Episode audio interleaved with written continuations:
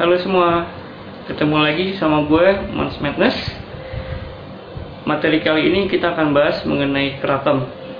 Padahal planning gue ini sebenarnya yang sekarang gue mau bahas mengenai heroin. Tapi karena ada suatu hal ya dan juga waktu gue belum belum match dengan sinar sumber, akhirnya gue alihkan ke materi yang lain. Oke. Jadi eh, keraton itu adalah tumbuhan, tanaman obat-obatan berasal dari Asia Tenggara, di Indonesia banyak di Kalimantan, terus di Thailand, di Malaysia kayaknya ada juga deh. Ya, eh, ini keraton ini untuk saat ini belum dianggap sebagai narkoba. Jadi dari BNN sendiri pun ba- baru mendorong keraton untuk dinaikkan jadi narkoba itu di 2017 kemarin. Dan biasanya prosesnya dari diajukan itu sekitar lima tahun karena lima tahun untuk meneliti. Dan sebenarnya juga literatur mengenai keraton ini masih abu-abu lah. Ada yang bilang A, ada yang bilang B. Ya, buat kalian yang nggak tahu keraton ini, keraton ini adalah eh, zat pengganti ya. Dia dia tanaman. Ada yang bilang ini kopi-kopian nih. Gue, sendiri juga nggak tahu kopi-kopian seperti apa karena gue juga bukan ahli tanaman ya. Jadi zat pengganti. Ama sebagian mantan pengguna heroin yang beralih ke buprenorfin. Kalau dulu buprenorfin itu ada subutex, terus sekarang suboxone ya. Itu mereka beralihnya ke kratom. Kenapa beralih ke kratom satu lebih murah? Yang kedua juga bu, bu- buprenorfinnya agak agak sulit didapat ya selain harganya juga mahal. Seperti itu. Mengenai efek samping ya kratom ini kalau untuk dosis kecil dia sebenarnya buat relaksan bagus ya buat stimulan juga oke terus kalau dosis tingginya itu eh, akan menimbulkan euforia di dalam diri lu lu akan lebih aktif ya kayak gitu dia lebih waspada segala macam oke terus kalau ditanya apa sih rasanya menggunakan kratom kalau gue pribadi ya pada saat gue minum kratom yang gue rasakan pendawanya mirip sama heroin sih. Gatel iya ngantuk iya ya kayak gitu deh. Muntah-muntah cepat-cepat ya kalau untuk dosis besar ya. Kalau untuk rasa nggak enak. Pahit pahit banget. Itu kalau yang bubuk. Jadi kalau yang baru-baru sih biasanya dia pakainya yang remahan yang teh diseduh tuh diseduh dengan air panas dicampur gula diminum. Kalau gue sih lebih menyarankan keraton itu sebaiknya direbus. Karena kalau nggak direbus itu dia ada ya namanya tanaman ya mungkin bakteri bisa. Terus yang kedua juga nggak tahu deh ini bukan cuman gue dari teman-teman gue yang lain juga yang coba keraton itu kembung.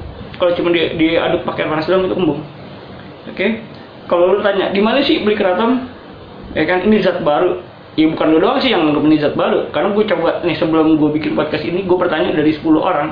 9 orang nggak tahu itu keraton apa. Dan sebenarnya gue juga ragu mau mau bikin podcast mengenai keraton. Di satu sisi gue mau edukasi tapi di sisi lain jangan sampai orang yang nggak tahu jadi penasaran cari tahu dan akhirnya dia suka. Itu loh ini yang gue takut. Karena akan jadi adiksi buat dia gitu. Oke beli keraton di mana? Beli keraton di online banyak. ya jadi lu tinggal search deh keraton daun purik ketum eh ada ada di situ. Di online banyak. Rata-rata penjual itu ya dari Kalimantan Kalimantan juga. Cuman ya gue sih nggak menyarankan ya buat kalian ya. Karena eh, yang gue khawatirkan adalah kalian suka. Seperti itu. Ya. Oke eh, pesan gue nih buat pemerintah. Kalau memang ini keraton mau diilegalkan ya sebaiknya diedukasilah masyarakat dari sekarang diedukasilah petani dari sekarang. Jadi petani-petani di Kalimantan itu juga nggak kehilangan mata pencarian dia bisa mengalihkan kebunnya untuk jadi apa. Ya bisa semacam bikin forum-forum diskusi lah dari pemerintah lah. Bikin forum-forum diskusi terus diedukasi ke bawah bahwa dampak negatif keraton ini A B C. Ada orang yang bilang keraton ini nggak ber, nggak beresiko tapi menurut gua itu pasti beresiko. Yang namanya zat asing masuk ke dalam tubuh yang pasti ginjal bisa kena hati bisa kena itu sudah pasti. Bahkan menurut penelitian di Amerika ya menurut laporan di Amerika yang ada ada kejadian bayi ya itu dia kecanduan keraton. Ya kemungkinan orang tuanya adalah pengguna keraton juga seperti itu. Ya cuman gue gue gue nggak tahu ya karena penelitiannya juga belum banyak. Ini kan baru berdasarkan artikel. Artikel juga kan ya terkadang syarat dengan sesuatu lah ya seperti itu. Oke eh, harga keraton. Keraton nggak mahal. Per kilo range harganya puluhan ribu sampai seratus ribu sekian lah. Dan lu beli sekilo itu bu bisa berpuluh-puluh kali minum ya cuman ya balik lagi ya gue nggak menyarankan ya buat kalian terutama juga yang belum pernah menyentuh lebih baik nggak usah deh. Buat apa? Nggak usah nggak enak. Ya mendingan lu sholat bro. Cari duit yang banyak buat jalan-jalan loh oke terus juga pesan untuk masyarakat dan untuk pengguna ada baiknya nggak usah dideketin deh. Ya. Karena saat ini oke lah belum dianggap sebagai narkoba.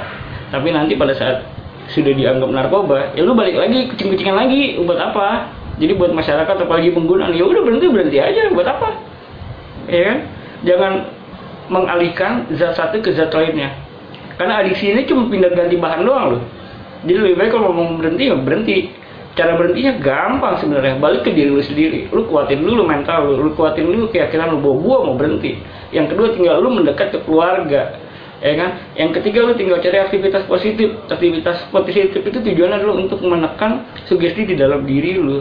Yang keempat lu cari pertemanan baru. Pertemanan baru artinya gini hobi lu musik ya lu bermusik. Hobi lu olahraga lu gabung ke klub olahraga. Hobi lu catur ya kelompok catur. Kan enak. Eh, hobi lu diskusi masuk kelompok pencapir ya salah ya oke ya mungkin uh, sekian aja dari gue. Next uh, kita akan bertemu di video selanjutnya untuk bahas yang lainnya. Buat kalian yang pengen mengetahui tentang narkoba A, narkoba B, narkoba C, ya komen aja di bawah. Nanti akan gue angkat. Kita akan diskusi nggak apa-apa. Atau kalau lo ragu mau diskusi di YouTube ini, lo bisa DM ke IG gue at di 13 nanti ada di description deh ya mungkin itu lebih private lah kalau lo chat gue lewat DM sebisa mungkin gue akan usahakan untuk untuk merespon kalian ya. Berkarya tanpa narkoba gue bisa masa lo enggak? Oke sekian dari gue sama sore